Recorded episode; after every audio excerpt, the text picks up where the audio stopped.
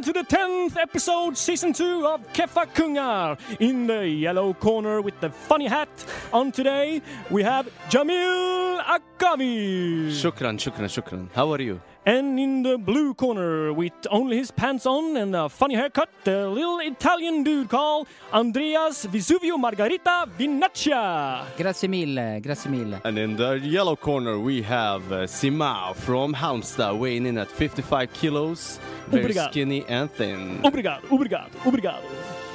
Välkomna till Keffa Kungar. Det är ett speciellt avsnitt idag. Ja, verkligen. Det, idag så handlar det om de olympiska spelen. Det är ju ganska mäktigt tänker jag. Sjukt mäktigt. Och vi har en fantastisk gäst med oss idag. Mm. Och eh, du står här och tittar på mig. Ja, precis. Ja, men tackar, tackar. Jag, eh, nu, ja, precis. Jo, eh, mycket hedrande att få vara här. Ja, trevligt. Och vi, vi kan ju avslöja, ska vi, ska vi börja med att släppa den bomben direkt? Eh, Så han blir lite så här legitim. Ja, Alltså. exakt. Så att han också sträcker lite Ja. på sig. Han är the former world champion of the world. du är eh, guldmedaljör. Ja, faktiskt. Berätta, berätta jo, väldigt kort. Ett par gånger, men jo. eh, Ett jag- par gånger? nej, inte. Ja, nej, men alltså jag har ju vunnit. Ja, ja, det är inte så mycket. Nej då. Jag har hållit på med triathlon. Mm, just det. Eller jag började min bana som simmare faktiskt, men sen, ja, sen sprang jag terräng-SM. Det var 95, kom tvåa där och då ringde faktiskt en, en tränare från triathlongymnasiet, mm. Här riksidrottsgymnasium och sa här, Mhm. börjar du här så kan du tjäna pengar. Och jag var, vad var jag, 16 år? Så du börjar med idrotten enbart för pengarna? Ja, det var Trist. lite, ja, Trist. ja trist ja, faktiskt kanske, men ja, alltså, man blev ju stark. Det var det som var roligt. Jag var ju Mm. ganska Ah. liten i klassen och Mm. sådär. Ah. Jag började ett år tidigare som Ah. man gör i Italien. Och... Nu är du ju stor alltså. Ja visst, nu Ja, har vi jag mycket muskelmassa. här. Men Ja, eh, ja, triathlon, vad, vad är det för något för alla? Alla kanske inte vet. nej, nej, men man simmar, cyklar och springer. Just det. Mm. Det är nästan att jag har glömt bort, för det här var så länge sedan. Inte- Jag slutade lite för tidigt kände jag. Mm. Andreas är alltså rysligt gammal kan vi ju kommentera utan att nämna ålder. Eh, men, är- men eh, du tog alltså du tog medaljer, VM, Mm. Ja, EM, berätta. Ja du- men precis, alltså, har ju tagit eh, SM, ja SM har jag ju tagit eh, alltså, SM-guld då, eller junior-SM, men sen, sen blev det en resa till Italien kan man säga. Alltså, fem år var jag i Italien och tävlade. Och det var, dels var det ju lite på meriter som jag fick åka dit. Jag kom tvåa då i EM, eller jag blev bästa junior det året Mm. som 18-åring Coolt. Ja, för, verkligen. för Sverige. Och eh, då tyckte italienarna där, det var italienska tränare där på plats under det här VMet, i, eller det var EM då i Österrike, sa det att fast du skulle kunna tävla för Italien istället så kan du tjäna pengar. Ja. Tjäna pengar. Ja, Det var återigen, Såklart. ja. Mm. Alltså, I Sverige deltog man för att det är kul, men i? Italien då är det, då är det cash. Cash det is king. Italienare. Men alltså så att, Ja. eh, det, det, det vi kan, nu, jättefin presentation tycker Mm. jag Andreas. Och det jag vill att lyssnarna lägger på minnet här är alltså att vi, nummer ett, han har alltså aldrig tagit en OS-medalj. Eh, Nej. nummer två, han eh, är landsförrädare. Och han älskar pengar. Och nu är han här med oss i studion. Fantastiskt. Välkommen, välkommen. Ja, nej, men tack så mycket. Så under antiken så höll man på med eh, olympiska spel. Mm. Och eh, den första sägs då hölls, hållits eh, 776 före vår räknetid, eller före Kristus. Alltså det är sjukt länge sedan. Det är väldigt länge sedan. Sjukt länge sedan. Mm. Det är ungefär 776 före Kristus. Mm. Och det, alltså det som är intressant med dem, och, det är exakt den, det som är intressant med eh, de olympiska spelen är ju att det är inte bara ett, liksom ett idrottsligt evenemang, även om Nej. det naturligtvis var det på den tiden också. Mm. Eh, men eh, det fanns ju liksom andra anledningar till att man anordnade det då eh, vid Olympia. Alltså det här var ju en, en liten by nästan kan man säga på, på en ö. Exakt. Och eh, alltså, om man tittar på Grekland under den här tiden så var det inte ett enat land utan det var ju splittrat kan man säga. Olika stater, olika former. Ja, just Eh, det. Och alla och- känner ju till Aten, Sparta, man har Exakt. sett filmen och så Ja. vidare. Ja. Så det här kan man säga var väldigt stark eh, sätt att stärka identiteten, den grekiska identiteten. Eh, så de här spelen var ju inte bara idrottsliga utan Mm. det fanns en baktanke bakom det. Fredsbevarande, identitetsskapande kan man säga. Det var till och med så att man faktiskt förbjöd de olika stadsstaterna att ligga i krig med varandra Mm. när de olympiska spelen skulle hållas. Mm. Och man, man körde ju då naturligtvis, det var fyra år emellan och de här, den här mellanperioden kallas ju för en olympiad, så därför Mm. har vi fått det ordet. Sparta naturligtvis, ni vet den här krigarstaten, de kunde ju inte hålla sig så vid ett tillfälle så, så krigade de faktiskt Mm. eh, under tiden olympisk, eh, olympiska spelen skulle hållas. De bestraffades ganska hårt av Mm. de andra staterna. Det är ganska kul tyckte Ja. de, att de krigade liksom. De kunde inte hålla sig. Det fanns ju ytterligare ett övergripande syfte till varför man samlades och, och eh, gjorde de här spelen. Det var ju för till Zeus ära. Göra. Precis, man skulle hylla den ultimata guden, den Ja. största guden, mäktigaste. Det är ändå rätt coolt Mm. på något sätt, att det var därför man samlades. Mm. Eh, eh, om vi rör oss eh, framåt mot, och vi kan, se, vi kan nästan så föreställa oss detta, alltså de samlas på den här eh, liksom, söderön, eh, Mm. i liksom södra, Olympia. Olympia, södra Grekland där. Och, så, och, och vad var det för typ av idrotter man liksom sysslade med där? Ja, för, för det mesta så var det ju löpgrenar som man Mm. höll på med. Eh, Mm. och ma- boxning, brottning, eh, sen fanns det femkamp, Mm. eh, spjut och liknande. Allt var ju naket har jag hört. Ja, det stämmer faktiskt. Fan, Eh, Naket. Det, det, det, Direkt, jag visste det. Där kom jag in. Vi bara, vi bara väntar på att italienarna skulle slänga Ja. någonting med naket. Just det, Men- vad var det för gren? Ja, nej, men jag vet bara att det var brottning och allt möjligt. Det, ja, man Mm. drog och slet. Man brottades nakna. Pankration, heter det så? Ja, Mm. det fanns en gren som heter pankration och det, man får nästan, det är dagens ultimate fighting fast utan skydd och utan Exakt. någonting. Och det ofta resulterade ju det till och med i döden. Mm. Så det var ju, Det- den, den sporten känns förlegad. Det enda man hade var att man, hade, man eh, band händerna med läder, Mm. läderremmar. Och så Mm. fick man ju slåss. Eh, fram tills att den andra gav upp. Ja, ofta så var det med någon form av signal. Just Eh, det. men väldigt många dog ju av det här. Men det coola är att... Lite det, som det, MMA idag kanske? eller? Ja, precis. Ja, fast det var, det var mycket värre. Va? Det var, all, allting var ju tillåtet eh, faktiskt. Det fanns inga regler. Nej. Därav att det kunde leda i, liksom, till döden. Mm. Då. Men alltså, en annan cool, alltså, det, det är som du säger här Andreas, alltså, att man idrottade faktiskt nakna. Det finns, Mm. alltså, ordet gynos, det grekiska, betyder naken. Vi har fått vårt ord Mm. gymnastik där och gymnasium därifrån faktiskt. Gymnasium. Gymnasium. Så att, ja men så var det. Man, gymnasium var alltså en plats där Mm. man idrottade nakna. Mm. Eh, men jag kan väl bara nämna det, alltså att, att det, det var alltså, eh, för er som tänker då, okej, det var eh, massor med nakna, det var bara män som Ja. var nakna. För det fick inte vara Det var liksom, liksom- kvinnor. Men det Nej. blir liksom fair play också på något sätt va? Mm. Att man har liksom, man kan inte dölja något. Eller Nej. gömma någon kniv. Man kan inte det komma i en sån här slimmad dräkt som gör att man simmar fortare. Precis. ja, Nej, sån här men, rymd... det var ju faktiskt sant, kvinnorna fick inte vara med och titta om man då var gift. Mm, Så ogifta kvinnor fick ju vara med och titta mm. på de här spelen och Ja. kanske hitta sig en man. Ja, eller ja, det var lite, det finns, det är så här, det finns delade uppgifter om huruvida kvinnor överhuvudtaget, men det man vet faktiskt, eller det finns i alla fall nedtecknat om att kvinnor ska ha klätt ut sig till män och Mm. tagit sig till spelen för att titta. Nu när, när det slog mig bara, det här kanske inte hör här, men just eh, min gammelfarmor hette faktiskt Olympia. Är det sant? Ja, det är helt otroligt. Och det, alltså det är ju Rom, ja det är säkert romerskt de. Okej, så det var män som eh, uteslutande Mm. deltog, eh, möjligtvis fick kvinnor titta på. Men, Mm. men vilka var de här männen som deltog? Var, alltså, kunde vem som helst, så länge du var man, delta? Nej, utan du var ju tvungen att vara fri, du var tvungen att vara ostraffad. Mm, men vad betyder det att vara fri? Inte vara slav. Aten och Grekland och Rom sen var ju slavsamhälle. Mm. Eh, Så alltså majoriteten av folket, eller väldigt många i alla fall, var slavar. Vilket Mm. gjorde att det var inte så många som faktiskt fick delta. Och jag har gjort ett räkneexempel här på Aten som är ett exempel på eh, ja, en, en stad under den här tiden, en stat. Mm. Eh, ungefär 300 000 bodde i Aten. Mm. Eh, 30 000 av de här var fria medborgare. Alltså inte slavar. Mm. Eh, nu har jag bara så hittat på typ en siffra. 10 000 kanske var straffade av de här. Man kan tänka sig det, för det var, det var ju dels att man inte fick ha begått så sedlighetsbrott Mm. mot deras eh, liksom, trosuppfattningar, alltså, fin- typ eh, dissat någon gud, och man Mm. fick inte heller ha begått något annat typ av brott. Exakt. Vi kan ju tänka oss att ungefär 10 000 någon gång Give or take, ha- 10 000. ja, ja. Och så 2 till 3 000 kanske var för gamla eller in, alltså inkapabla för att, att delta. Mm. Då har vi ungefär 17 000 personer kvar. Mm. Eh, Och det här är ju den största stadsstaten i hela, liksom, av alla. Mm. Exakt, och så 2000 av de här 17 000 kanske inte var så jätteintresserade av att idrotta. All, Just det, tänkte äh, pankration, Mm. mm. offra livet. Inte för mig. Mm. Mm. Och kanske 500 personer av de här- av de här 17, tu- av de här eh, 17 000 var, hade möjlighet att vara med. Mm. Eh, 500 personer fördelat på sju grenar, ja ni fattar. Alltså exakt, den idrottsliga prestationen här tänker Mm. jag var kanske inte liksom behövde kanske inte ligga i liksom så här Nej. elit-elit. Mm. Man kunde delta ändå. Mm. Så tänker jag. Så Mm. måste det nästan ha varit. Jag tror att Andreas skulle ju lätt ha kunnat delta Ja. i ett OS och fått den här efterlängtade OS-medaljen. Och inte bara ett jäkla VM-guld alltså. Ja, om, om det var Utan så. doping ja.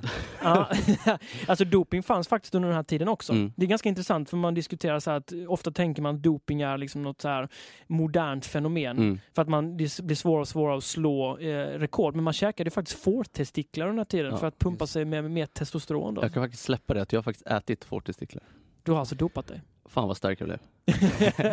Nej men vi, vi höll, mina föräldrar höll på att käka konstig, konstig mat när vi kom hit till Sverige. Ja, okej. Ja, vi, ska vi, jag kanske för att ni skulle bli starka som Ja. barn och sådär. Ni ska klara er. Men det finns, annars, ja. fanns det inte någon rolig anekdot om detta, hur man kunde träna inför en Jo. olympiad? Jo, alltså grekerna de var, de var bra på, på träning också. Det var ju en brottare som eh, kom från de grekiska öar, va? Kroton, det är väl grekiskt? Mm, det är grekiskt. Det låter grekiskt.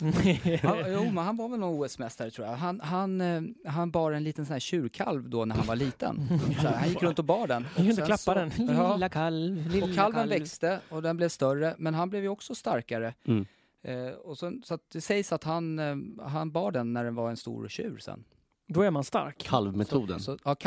Precis. ja, Det var, nej, var men, det sån eh, här Belgian Blue? Har du sett fy fan. Fan vad jobbigt. Ja. Ah, fan jag fick en Belgian Blue. Fick du en vanlig? Ah. Vilken tur du har! Nej, Ja, men det men- var ja. lite, egentligen är det lite av dagens sån här superkompensation. Man Ja. tränar så här, typ, lite, man börjar Mm. lite lugnt och sen ökar man belastningen och sen kanske för tredje dagen eller vad det är så vilar man och sen kommer den där. Ja, just det. Det låter ju rimligt. Men du, du berättade för oss innan sändningen drog igång här Andreas, att du när du började då, innan, alltså innan i- idrottsgymnasiet, gick du runt och bar på en kyckling. Ja, Mm. Eh, en sån, en sån här gul liten kyckling. Och så växte den och blev till en höna. precis. Så gjorde jag bicepscurl med det. ja, det är, tänk, och, men bara så att så. Mm. Vi står alltså inte bakom det här med att Nej. man använder djur för egna personliga idrottsliga Nej. syften, utan vi tycker djuren ska få leva fritt på Mm. ekologiska gårdar. Bra. Nu är det Ja. sagt. Nu är det sagt. Men, men det, på tal om det här med fusk. Eh, Det var ju vanligt, ja, det förekom att folk fuskade, att grekerna fuskade under, under, under de här eh, olympiaderna. Ja, och det kan man ju faktiskt säga så här. Varför gjorde man det? Jo, naturligtvis därför det var en enorm ära Mm. att vinna ett olympiskt spel. Du fick en Ja. olivkrans och du fick en herrans... Ja, men vad Det låter inte så sexigt. jo, men det är ganska sexigt. Men du fick också massor med stålar. Du blev ekonomiskt oberoende. på den Miljonär, tiden. Ja. Mm. Men, ja, så, att, så att det låg ganska mycket, mycket i potten här. Mm. Så hur fuskar man då? Fortestiklar.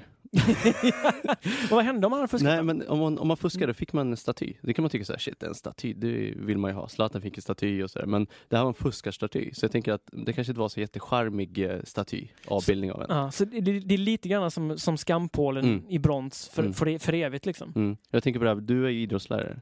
Har, har Ja. ni någon form av så här eh, fuskarstatyer? Ja, vi har ju pratat lite om det men eh, Nej men det, det skulle bli så, så många, vi har inte plats för att Nej. bygga alla. Men det låter lite märkligt för häromdagen var jag nere i, liksom, och gick i under Tumba gymnasium i katakomben här. Ja, det gör jag ibland. Och där stötte jag på en terrakottaarmé av liksom lerfigurer som påminner mig om gamla elever jag haft. Kan Gamla du, fuskare alltså. ja, är det Ulf som ligger bakom detta eller? Vad? Uh, no, Ulf. det var, måste ha varit något samarbete med ES då när man jobbade i lera.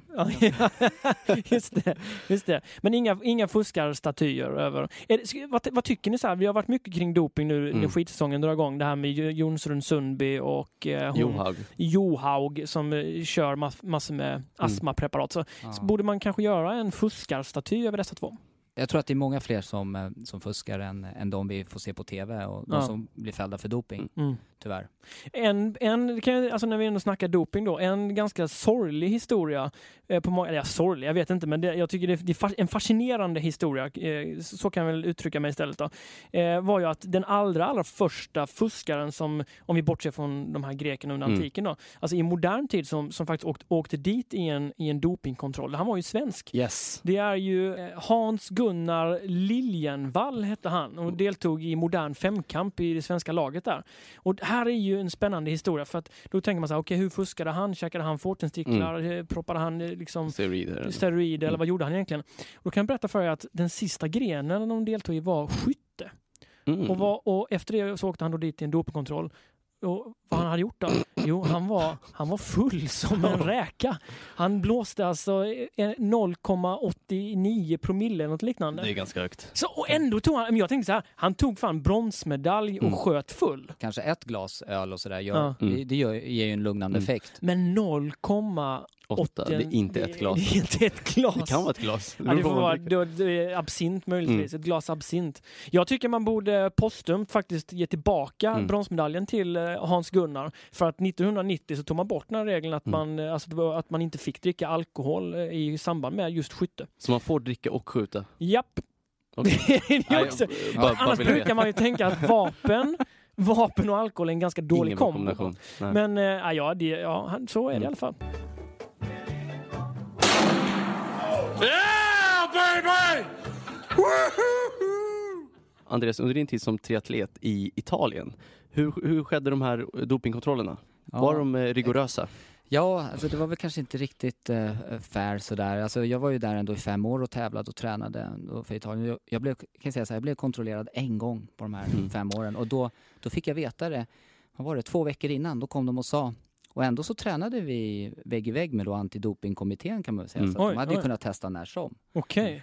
Och när jag tävlade för Sverige som junior då kunde jag bli testad flera gånger per år. Mm. Ibland kom de spontant ner till Eriksdalsbadet där jag låg och simma och plockade upp en och ibland var jag kanske inte ens där för att jag var hemma eller körde något annat pass. Då blev de, kunde de komma hem och Ja, liten heads up till Vada här då. Eh, en annan aspekt av det här med doping tänker jag är att idag så proppar man sig full med liksom, eh, snabbmakaroner och smält ost för att man vill slå liksom, eh, rekord. Ja. Eh, och en parallell då till antiken är att det hade man ju inga rekord. Nej. Eh, Utan det var liksom segraren som räknades och det var liksom kampen just där och Mm. då som var liksom grejen. Mm. Eh, så det, kan, det är någonting att fundera över det här med rekord. Du, Andreas, du nämnde någonting för mig om Jo- jo, pallplatser och grejer. Ja precis, det fanns ju inte ens en prispall. Man, hade inte, man räknade inte tvåan och trean och sådär som Mm. idag. Idag finns det ju silver, medalj och brons. Och, Alla får medalj. men, men å andra sidan har vi ett, Nej, Jamil. vi har ju ett Alla får ett gosedjur. Ja. Men hörni, vi har ju ett svenskt uttryck att om man kommer tvåa då är man ju första förloraren. Mm. ja, det, det är sant. Och Det- så var det ju under, under antiken. Det är inte värt att hylla en tvåa. Nej, det var segraren. Mm. Och en annan ganska sorglig sak över detta är ju faktiskt att alltså, olympiska spelen de pågick ju i 1200 år utan avbrott. Mm. Men så hände någonting Emil. Vad, Ja, det, det förbjöds i år 393 eh, av den romerska kejsaren Theo, Theodosius. Theodosius. För han, han ansåg att de här eh, olympiska spelen liksom var hedniska riter och, och liksom gick emot den kristna läran. För Rom var ju kristet under den här tiden. Eh, så den förbjöds helt enkelt. Och det var inte förrän 1896 som liksom den moderna olympiska spelen som vi känner igen idag eh, Mm. togs upp igen. Och det var första gången var i Aten, så det kom tillbaka till Ja, Grekland. men det, är ändå, det är ändå lite snyggt sådär. Mm. Att det är på något sätt så här cirkelkompositionen där tillbaka Mm. till Aten. Men det var väl en fransk baron som låg bakom detta, att man skulle liksom ta tillbaka eh, de olympiska spelen. Mm. Och liksom, eh, jag har läst att han, han hade någon slags, jag kommer inte ihåg hans namn nu, men han hade någon slags idé om att eh, ja, det viktiga är att liksom världen enas igen och att vi kan mötas och att det ska bli Mm. fred och så vidare. Då känns det ju lite sorgligt att kort efter detta så följer ju både första världskriget Ja. och sen andra världskriget. Så Det var lite såhär Ja. Nostradamus, han visste att det behövdes någonting för någonting på gång. Ja. Men han hette Pierre de Coubertin, just det, fransman. den franska baronen. Och det är en annan eh, intressant anekdot detta, vi har inte pratat så mycket om det, är ju att det är kort efter, så bara eh, OS nummer två i modern mening då, alltså år 1900, så fick faktiskt kvinnor delta för första gången också. Mm. Och i början av 1900-talet så, eh, jag menar, det var många saker som förändrades. Kvinnor som vi sa fick Mm. ju för första gången då börja delta. I vissa sen- grenar. Ja, i vissa grenar såklart. Mm. Eh, Man hade satt på sig kläder. Det såg fransmannen till att det, nu, vi, nu klär vi på oss Ja. när vi idrottar. Eh, och sen så började man faktiskt dela upp OS. Mm.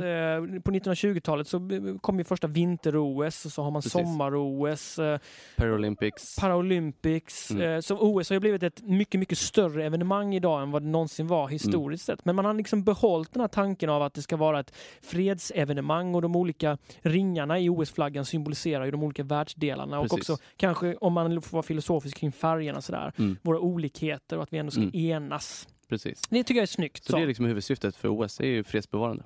om- och, och det kommit massor med nya grenar också. Mm, alltså man, man har ju under årets gång har man testat olika grenar. Jag tänkte Mm. ge några exempel på några mindre lyckade grenar, eller sådana grenar som inte finns kvar. Under de olika OS-evenemangen så har det kommit och gått eh, grenar. Mm. Så vissa har ju hängt sig fast. Ja, brottning kan jag gissa. Brottning, Ja. precis. Eh, diskus, spjut. Mm. Men vissa har inte lyckats. Mm. Och eh, en av den här är ju tandemcykling. Nej! Man hade ju en gren under 1906 fram till 1972 Ja. i München. va? Så hade man ju tandemcykling, en sån här velodrom heter det. Om inte jag Ja, helt fel. precis. Mm. Stämmer. Så då hade man ju två stycken eh, som då cyklade på samma cykel. Mm. Eh, det låter ju jättefarligt. Eh, om en bara lägger av så kan man ju flyga in i väggen. Men alltså, jag undrar om inte tanken bakom det är liksom, för att under antiken så hade man ju de här hästkapplöpningen i hippodromen. Mm. Kan det, det. vara liksom att man ersätter det med cykel? Ja, det är mycket möjligt ja, alltså. Ingen dum tanke kanske. Men det, det här gav man ju upp 1972. Mm, då slutar man. Tandem Mm. är ju inte populärt efter 1972. Nej. Nej, du jag ser ingen cykla tandemcykel längre. Nej, det skulle vara Vätternrundan där. Du har sett några där alltså? Där kan man köra med. Okej. Och Kan, kan ena sova medan, för det tar det 16 timmar och man är inte så jäkla bra. Så tandemcykel, tävling i tandemcykel, Mm. det har försvunnit. Något annat Sen då? man också eh, skytte, Du, skytte var ju stort, den här eh, alkisen eller på att säga. nej, nej, Hans-Gunnar var inte Hans alkis. Gunnar var inte alkis, nej. Men eh, duvskytte hade man eh, under år 1900. Riktiga duvor alltså. Med riktiga duvor. Ja, det måste det varit. Ja. Ja. alltså det, idag, Ja, det- idag har man så här lerduvor, man skjuter upp Precis. så här, hutt, Ja. och så får man skjuta. Men under 1900 så hade man riktiga eh, duvor. Vad var det? Det var väl eh, han, Sällskapsresan, vad, vad hette Stig han? Helmer. Han körde ju med brödrost va? Ja, just det. Sköt upp eh, inte mackor. hållbart. Ja. Men eh, de här duvorna som man använde, eh, efter att tävlingen var slut så hade man 300 dö döda duvor som låg på marken. För man hann ju inte plocka upp de här. Så man insåg att det här var inte riktigt hållbart. Nej. Inte så schysst mot djuren heller. Inte så snyggt. En annan grej var ju stående höjdhopp. Åh, varför har man inte kvar Ja. det? Det är ganska fair alltså. Så spänst. Ja. Ja. Jag tänker på det stående höjdhopp och, och kusinen då, eller lillasystern. Man Mm. mäter ju verkligen Det- spänsten där. Ja, Mm. men jag tänker exakt, det det är exakt det jag skulle komma till faktiskt. Språng. Varför har man inte Mm. kvar språng? Det är alltså man hoppar jämfota hopp så Mm. långt som möjligt. Ja. Mm. Det, så det plockade man ju bort. Eh, för det var, dels var det väldigt svårt att mäta. Alltså den här tiden, 1900 till 1912 i Stockholm hade man Mm. det. Och det gick inte riktigt att, att veta vem som hoppade högst. så Man hade inte de liksom, den tekniska hjälpmedlen. Så man fick nästan gissa, så, ja men jag tror att han hoppade högst. Du säger 1912, men just det, då var det ju OS i Mm. Stockholm ja. Exakt. Stadion. Så där, det gav man upp. Det här är min Ja. favorit. Mm. Solo konst sim. Alltså synkroniserad sim fast solo. Ja, men vänta lite nu. Du menar alltså att en person helt solo, Mm. alltså ensam, dyker ner i en pool och sen ska synkronisera med sig själv? Exakt. Till musik. Låter svårt. Så man, man hoppar i vattnet och så börjar man dansa i vattnet synkroniserat med Hur, sig hur själv. ser man om en enskild person inte är synkad med sig själv? Precis, det kan ju aldrig Mm. bli fel. svår, svår uppgift för domaren där, Mm. tänker jag. Och det är därför man sket i det. Så, men man hade det fram till 1992 i Barcelona. Okej, det är ändå ganska in i modern Ja. tid. Vi kanske kan lägga upp en video på Facebookgruppen där man kör sån här solo Ja, det eh, måste nästan göra. Men jag tänker så här, en sport som man kan tänka så här, ska det komma med i OS? E-sporten, vad säger ni om det? Mm. Ja, det är ju st- alltså stor skaderisk känner jag. Ja, alltså jag känner ju att, ja det är skaderisken här, precis. Nej men, alltså, jag tycker man ska hålla sig till idrott. Jag, nu kanske jag låter som en tråkig idrottslärare. Så du menar att e-sport inte är idrott? Nej men jag tycker man ska ändå särskilja på idrott och sport. Mm, Okej, ah, Mm. intressant. Och där tappar vi alla våra ungdomar som. Exakt. Jag kan se rubrikerna framför mig i Aftonbladet. Bara, musarm knäckte OS-löftet. Ja. Nej, men e- e-sport, det är ju det är på gång. Det finns ju stora pengar att tjäna där Andreas. Sjukt Ja, stora ja. pengar. Gör det? Alltså in i helvete stora pengar. Ska vi in och ladda ner Ja, World of Warcraft? Men eh, okej, så e-sport ingenting för OS? Nej. Och eh, man höll ju också på med någon form av kloakhinderbana. Den älskar jag. Alltså i Paris Ah. 1900. Alltså fan vilket dåligt OS 1900. Man bara experimenterade en massa grejer. Eh, Det man hade då var att man skulle mm, köra någon form av så här hinderbana i vattnet. Och man var inte så jättekreativ. Utan man, man fick ju hoppa från en påle och så fick man simma och så var det en massa båtar som var utplacerade. De skulle man hoppa på, eh, båda, alltså båda, och sen hoppa, hoppa eh, förbi. Sen skulle man simma förbi ett par båtar under och sen var det slut. Men problemet var att man hade inga simbassänger utan det här, det här skedde ju i floden Seine, Mm. alltså i Paris, som var en kloak. Alltså det, det är där, det är där all skit kommer. Eh, så de badade i skit i, under den här Det grejen. var alltså en idrott på den här tiden att bada i skit. Mm. ja. Gör inte ni det Andreas? Italienska Nej. landslaget badar i skit. ja vi har inte testat, aldrig riktigt det. Klankar ner på italienare. Det Jag tänker att Vogue skulle kunna bli någonting då. Att voga, Att voga. det är gammal referens. Gammal referens. Ja, folk förstår inte vad Vogue är. Madonna tänker du på. Ja, nu vågar jag. Hur vågar du? oh, en liten göteborgare. Mm. Snyggt Jamil.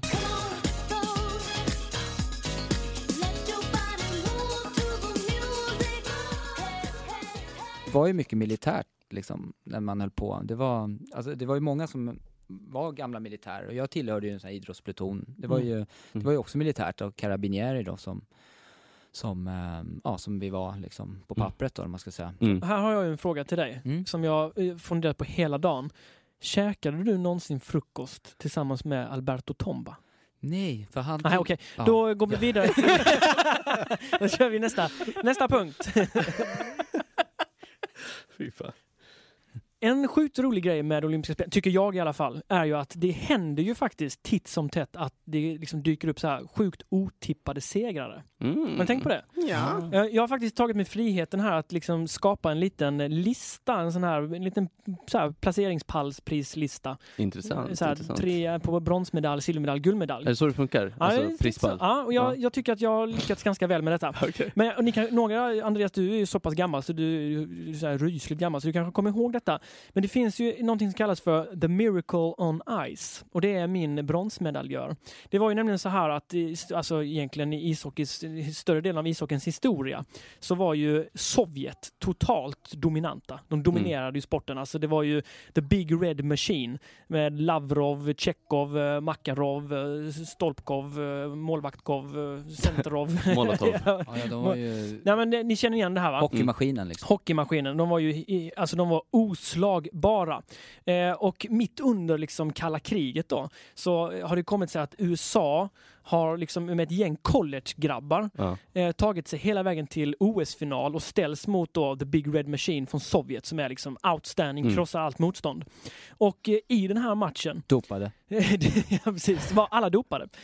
Mm. Nej, men i den här matchen så i tredje perioden så lyckas ju faktiskt USA skjuta in 4-3 Eh, håller det här resultatet de sista 15 minuterna av den tredje perioden och blir eh, OS-guldmedaljörer. Alltså ett gäng eh, College. eh, collegegrabbar Mm. spöar liksom eh, historiskt sett det bästa hockeylaget som någonsin funnits och som inte förlorade en match på liksom hur många år som helst. En massa brads. Ganska coolt. Ja. Mm, verkligen. Men, men jag tänker att eh, det var inte det vanligt också att eh, så, de från Sovjet, då, det sovjetiska laget, inte fick fira när de gjorde mål? Att de fick instruerade så att äh, det är inte värsta grejen att, de, att det är mål. Liksom. Nej. Så Det är lite grann, man kan dra paralleller till typ Real Madrid. Det räcker inte att vinna utan man måste Mm. vinna snyggt. mm, Lite så var det. Det är i alla fall min bronsmedaljör i otippade eh, OS-händelser och den finns faktiskt filmatiserad också. Ganska f- kul film. Mm. Michael J Fox, nej vad heter han, han som fick eh, Parkinsons disease, vad heter det är han? Michael J. Fox. Han Mm. spelar i alla fall eh, tränaren tror jag i den Mm. första filmatiseringen. Jag tänker på Mighty Ducks, jag vet inte varför. Nej, det är något annat. Quack. Quack, quack, quack. All right, och min silvermedaljör är också en, alltså sjukt otippat. Det är sommar-OS, Sydney 2000. Det är varmt. Stora män klär sig i små trikåer. Oj. Jag pratar naturligtvis om brottning. Ni känner säkert till den, alltså, han som kallades för den ryska lyftkranen från Sibirien. Mm. Känner ni till det? Karelin? Karelin ja. Han var ju, alltså, han var ju helt oslagbar. Han var 13 år som brottare, obesegrad. Han hade inte ens tappat en poäng faktiskt. Var han 13 år? Nej, under 13 års tid. Herregud, Emil. Han vann, han vann allt. Ja, Han kom... var liksom oslagbar. Och i det här OSet så är det en, faktiskt om vi ska vara rättvisa, det ska vi, en småtjock amerikan. Återigen, Ryssland mot USA, Mm. som tagit sig hela vägen till finalen. Roland Gardner heter han. Mm. Och finalen, hör och häpna, Karelins sista brottningsmatch, Mm. vinner amerikanen med 1-0. Tar 1-0. OS-guld. Karelin blir besegrad i sin Ja. sista match. Okej, och på min första plats eh, min guldmedaljör och han är nog alltså ändå olympiska spelens mest otippade, helt, mest osannolika OS-guldmedaljör genom tiderna. Vi talar vinter-OS, Salt Lake City 2002 och eh, där dyker upp en, eh, en Aussie en krokodilätande australienare dyker upp som heter Steven Bradbury. Jag vet inte om ni har hört detta, men han tävlade i, i short track, i, i så här långfärdsskridskor typ, Mm. tusen meter. Och så här, så här gick detta OS då. Han lyckades, hör och häpna, ta sig till kvartsfinalen men Mm. åkte ut. Bara det var liksom en jättebedrift egentligen. Ja. Eh, Men det visade sig då eh, att en eh, snubbe som låg före honom, tror jag det var, som tog sig vidare, diskvalificerades. Oj. Så Bradbury på ett bananskal till semifinalen. I semifinalen, väl där alltså, sista varvet innan Ja. målgång, så ramlar ett helt gäng eh, på banan så Bradbury kan ta sig förbi och ta sig till final. Och då börjar man tänka så här, åh herregud, en australienare i final eh, liksom, Mm. eh, i short track, på, i skridskor. Har, har de is i Australien? Nej, de har ju ingen is i Australien. och, och, och, liksom, och vet ni vad som händer i finalen? Nej, berätta. Jo, i finalen så ligger Då han... ramlar han. Nej, ja, exakt. Och där tog det slut. Jättebra. Ja, det, så, så, så gick det. Nej, det som händer är att alltså, han, är, han håller på att bli varvad i finalen. Mm. Men i, alltså, i OS-finalen Mm. så är det liksom déjà vu. Allting återupprepar sig. Alla ramlar igen. Och Steven Bradbury, som är så långt bak, han störs inte av detta utan åker in och vinner OS-guld. Det är helt sjukt. Vill, Ja. vill man vinna så? Hur mår man efter en sån seger? Alltså? Alltså han är ju, egentligen är han ju, alltså han, han är en okej short Mm. track-åkare men alltså, han tog OS-guld. Det är bara, så är det. Han har den på hyllan, polerar den varje dag Mm. mellan typ måltiderna i krokodil och så. Ja, ni fattar. Så att han, han la också av efter. Ja, det hoppas jag. Det borde han ju absolut ha gjort. Here's the bell. One lap for gold. He's reaching back for one more gear. Trying to hold up Lee. They bump. They bump. Steven's around. A total wipeout. And Bradbury wins. Steven Bradbury. That's not a knife. That's a knife. De olympiska spelen de har ju också varit en politisk arena kan man säga. Alltså väldigt mycket har ju hänt som inte är direkt kopplat till idrotten. Mm. Eh, jag tänker på eh, 1936 OS i Berlin, Mm. eh, Nazi-Tyskland, Ja, Hitler, eh, som till en början var väldigt skeptisk mot eh, de olympiska spelen. Han tyckte Mm. att det var någon form av så här, eh, judisk... Eh, Då fred liksom. Såklart Ja, att det var precis. en judisk konspiration. Precis, så han, han var väldigt emot det. Ja. Fram tills att han insåg att han kunde liksom använda sig av OS som en sorts propagandamaskin. Eh, han, alltså hela OS 1936 var ju en propagandafest för Mm. Nazisterna. Eh, jag tänker på Jesse Owens, känner du till honom? Just det, ja Mm. det gör jag. Mm. Jesse Owens, han var ju en, eh, en mörkhyad man från USA. Mm. eh, Vars farfar var slav. Eh, Så det finns det liksom väldigt stark koppling.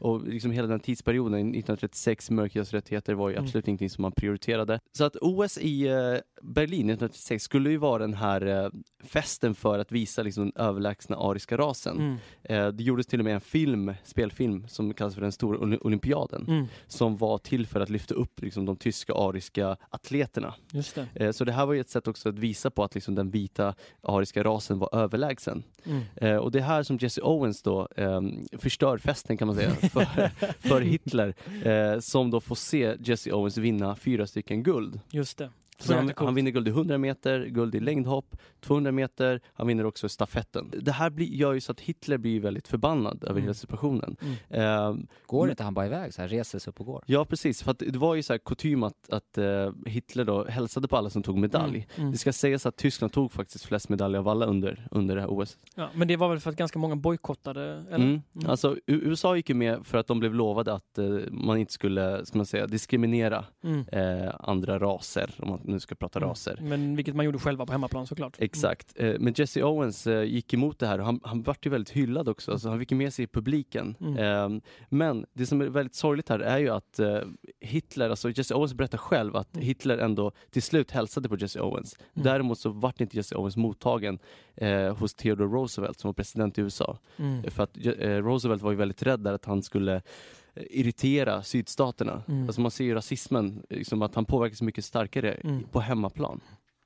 Och det, är alltså en, det, det är en fantastisk Mm. historia och en annan, eh, som en liten anekdot då, kopplat Mm. till detta är att i, i de moderna olympiska spelen, ni vet att man har ju, man har ju, man tänder ju en eld då. Mm. Och det började man, tror jag, redan tidigare på 20-talet i Antwerpen och liknande. Men eh, just det här med att man, man springer med en fackla, Precis. eh, i någon slags så här fackelstafett och le, levererar över den och så, så. Det var ju också faktiskt någonting som nazisterna började med. Precis. Det var ju no- man skulle liksom, än en gång, propaganda. Ja.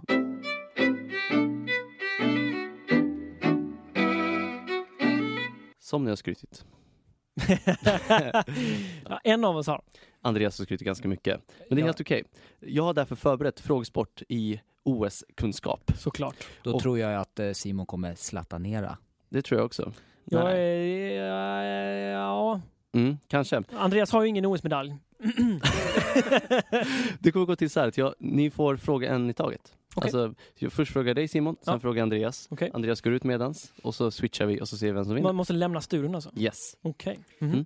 Okej, ja, men jag går Mm. väl ut då bara.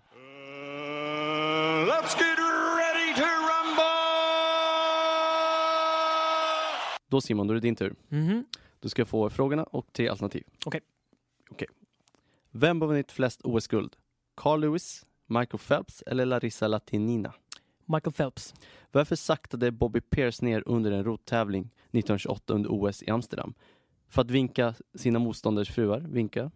För att låta en andfamilj komma förbi till andra sidan. Eller för att han tappade sin åra i vattnet. Anfamilj till andra sidan. Vad hade Muhammad Ali på sig under en flygresa till Rom under 1960? Inget. Hans boxningsbälte? En fallskärm. En fallskärm. Vilken metall består den olympiska guldmedaljen till 92,5 procent av? Guld, silver, koppar. Koppar. Den, de antika olympiska spelen hade en tävling för en grupp musiker en gång. Vilka? Gitarrister, trumpetspelare eller sångare? Trumpetare. Kvinnor tävlade för första gången i det moderna OS 1900, men bara i kvinnliga sporter så att säga. Vilka tre? 100 meter, 200 meter, 400 meter eller tennis, segling och golf eller skytte, bågskytte och synkroniserad simning. Löpning. Det var alla frågor. Woho! Okej Andreas, välkommen in. Ja, men tack. Då ska du få ett par frågor här med tre alternativ. Ja. Mm. Vem har vunnit flest OS-guld? Carl Lewis, Michael Phelps eller Larissa Latanina? Eh, Michael Phelps.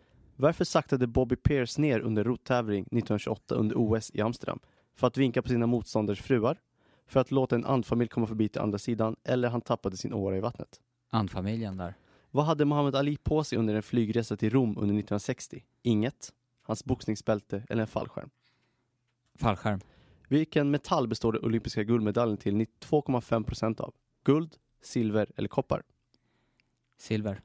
De antika olympiska spelen hade en tävling för en grupp musiker en gång. Vilka? Gitarrister, trumpetspelare, sångare. Sångare. Kvinnor tävlade för första gången i det moderna OS 1900, men bara i kvinnliga sporter. Vilka tre? 100 meter, 200 meter, 400 meter löpning, tennis, segling, golf eller skytte, bågskytte och synkroniserad simning. Jag tror det var 100 meter. Tack! Ska vi ta in Simon här? Okej, nu är jag extremt spänd på att Ja. få höra resultatet. Tyckte du att det var svåra frågor? Jag tyckte att det var ganska svårt. Ja, jag med. Det var Mm. helt otippat. Jag känner på mig att jag kan ha svarat fel på en. Jag var lite snabb där. Jag känner att... Mm. Eh, jag jag kan- önskar att jag hade ändrat ett, ett av mina svarsalternativ. Jag vet bara ett rätt som jag har. Okej, då Ja. kommer svaren här. Vem har vunnit flest OS-guld? Det är Michael Phelps. Du hade båda rätt. Yes! Oh, yes. Han har tagit, 1-1. han har tagit 18 guld, 2 silver och 2 bronsmedaljer. Det är rätt bra. ja. Varför saktade Bobby Pierce ner under rottävling? Det var för att, Fågelälskare. exakt, Ja! Han Nej, ville, tog du också det? Ja. han ville släppa fan. förbi andfamilj och det svarade båda rätt på. Nej. Fråga nummer tre. Vad hade Muhammad Ali på sig under flygresa till Rom 1960? Eh, och då svarade båda två fallskärm. Helt rätt. Han var, Oh! Han var flygrädd. ja, jag Och kan han- tänka mig det bara. Han tog faktiskt guld. Jag tänkte att jag Ja. på det som jag önskar att jag hade haft. Jag tänkte, han, var, jag tänkte att han lät ju lite så här dum och sådär. Alltså, Muhammad Ali. Eller liksom han sa ju så här kort. Ja. Hej. Don't you dare. Mm. Nästa fråga var eh, den olympiska guldmedaljen, vad den bestod av. Ah, här känner jag att jag skulle... 92,5 procent. Ja. Ja, jag slutade lyssna där Mm. lite, det var det som var dumt. Ja. Andreas, du svarar silver. Mm. Och Simon, du svarar koppar. Mm. Rätt svar är silver. Ja, det var det jag... Ja. Där hade jag min. Ja. Fan också. Musiker har ju fått tävla i OS. Fan! Mus Musik. musiker har fått tävla i OS. Och jag sa Eh, sångare va? Eller kören. Andreas sa sångare, Simon sa trumpetspelare. Ja. Trumpetspelare är rätt. Yes! okej. Trumpet. Kvinnor fick ju tävla Trump. Mm. 1900. Nej. Eh, men bara i så här kvinnliga sporter, så här graciösa sporter. Eh, Andreas, du svarade löpning. Simon, du svarade löpning. Rätt svar är tennis, segling och golf. Nej! Va? Är det Fanns sant? de sporterna liksom? Och jag som skröt här om att det Ja, är den enda ändå- frågan jag Ja. kan. Det kunde du inte. Nej. Och vinnaren är Andreas Vinaccia. Nämen. Nej, blir det inte lika? Nej. Tror jag, tror jag luras? Ja, det tror jag. Han har ju fel på en och jag har fel på en. Men det var Nej. inte på samma. Nej, jag hade två, det där med silvret. Silvret och koppar. Ja, det hade jag fel. Mm. Men han hade ju fel på sångare och jag har rätt på trumpetare. Ska du ifrågasätta min, Ja, det gör jag. min rättning? Nej, men Jag lämnar trumpeten in- jag lämnar hade in- ingen rätt. Jo. Det var ju musiker. Nej, det var trumpetare. Trumpeten. Jo. Så jag lämnar in en protest. Ja, det kan man göra i idrott. I, Det är sant. I OS Det är kan man helt lämna- rätt. Fan vad Ja, tråkigt. Är ja, helt rätt. ja, Helt sjukt. Simon har rätt i en grej. Fyra, fyra, fyra. Fyra, och fyra. därför har jag förberett en utslagsfråga. Okej. Usch, nu är jag helt svettig. Jag har handsvett och jag svettas överallt. känner Jag Jag upp skjortan här. Ska man Okej. hålla på med några så här ritualer, det gör ju Nu smeker Andreas sina ögonbryn. Nej, men det var Han så här- psyka ut mig Nej, här. det var ju Stefan Holm, han höll ju på så här. Just det. Ja, just det. Mm. Nu, nu, nu, bra podd Andreas. Han drar händerna Ja, ansiktet. Så här då. Ja. Ni får frågan tillsammans Okej. samtidigt. Ja, Men ni håller ert svar, ni säger inte rakt ut. okej. Okej? Okej, Okej. Mhm. okej. Ni får skriva era svar Okej. när jag säger till. Jag skriver på... Är det okej om jag skriver på mobilen? Nej. Nej. Det ska inte vara någon IKT papper. här. Det är Mm. pa- papperstävling. Utslagsfrågan. I vilken gren vann baronen Pierre de Coubertin, alltså grundaren av de moderna olympiska spelen, år 1912 i Stockholm OS-guld i? Alltså vilken gren vann den här grundaren shit. OS-guld i? Var det duvskytte? Var det dart? Blandad litteratur? Mhm. Ett, två, tre. Hmm. Nu får ni skriva ner ett svar här. Det här är som eh, Doobidoo. Den visste jag. Du visste den? Okej, får jag tillbaka papperna här. Ska vi se. Simon har svarat duvskytte Mhm. och Andreas har svarat dart. Mina herrar, ni båda har fel. Det är faktiskt blandad litteratur. Han, Men kan det vara en olympisk Ja. sport? 1912 så, så pitchade faktiskt han själv Såklart. Pierre de Ja, Coubertin, han ville ha kulturgrenar i. Eh, och han vann då blandad litteratur under pseudonym. Mm. Inte han få Nobelpriset istället? Och så här. Nej, det han... Men alltså han var ju baron, de skjuter ju på allt som rör sig. mm, tyvärr, så var det. Ja. Ska vi vara nöjda med ett oavgjort eller? Jag tycker nästan det. Okej, vi närmar oss eh, slutet på den här, eh, det här fantastiska avsnittet. Mm. Eh, Jag, vill bara säga det eh, till er som har lyssnat. Ni kanske har hört lite så här Prassel. prassel, lite så här gulliga ljud i bakgrunden. Och det är faktiskt så att vi har en fjärde gäst som Mm. inte har gett någon uppmärksamhet Ja. under hela tiden vi har spelat in här. Mm. Vill du presentera dig själv, vår hemliga gäst? Vad heter du? Alicia! Härligt. Det är ett utav eh, Andreas 24 barn. eh, Alicia, vad härligt att du har varit med oss i studion och skänkt oss mycket glädje. Mm. Absolut. Du vet om att det finns en skönhetsdrottning som heter Alicia Machado, vilket är mitt efternamn, som plågats av eh, USAs president Donald Trump. Donald Trump. Mm. En för detta eh, Miss Universum. Mm. Okej, Ja, tack. Stort tack att jag fick vara med. Härligt att ha det här. En eh, VM-medaljör, EM-medaljör, SM-medaljör, landsförrädare, icke olympisk mästare, men tillika stort fan av våran podd. Det gillar vi. Det här är sista avsnittet för säsongen, säsong två. Tack för att ni har lyssnat. Det är eh, juletider. God jul! Mm. God jul och gott nytt år. Ha det gott.